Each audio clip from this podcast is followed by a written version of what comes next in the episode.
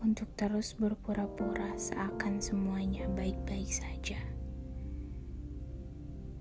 Tiap malam, aku ingin berteriak sekencang-kencangnya hingga tenggorokan lepas dari sendi-sendinya.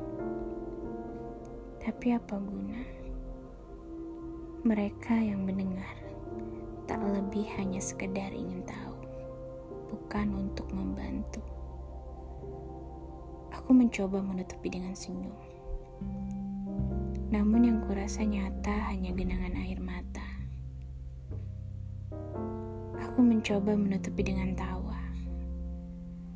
Namun yang kurasa hanya luka yang kian nyata. Jika boleh jujur, aku bosan mendengarkan. Sesekali aku ingin didengarkan. Sesekali pula aku ingin dimengerti. Apakah salah? Jika aku berdoa, ada orang yang mencintai aku sebesar cintaku pada orang-orang yang pernah pergi dulu. Aku lelah seperti ini. Terkadang mereka-mereka tidak pernah tahu bahwa Orang yang paling ceria biasanya adalah orang-orang yang paling merasakan luka.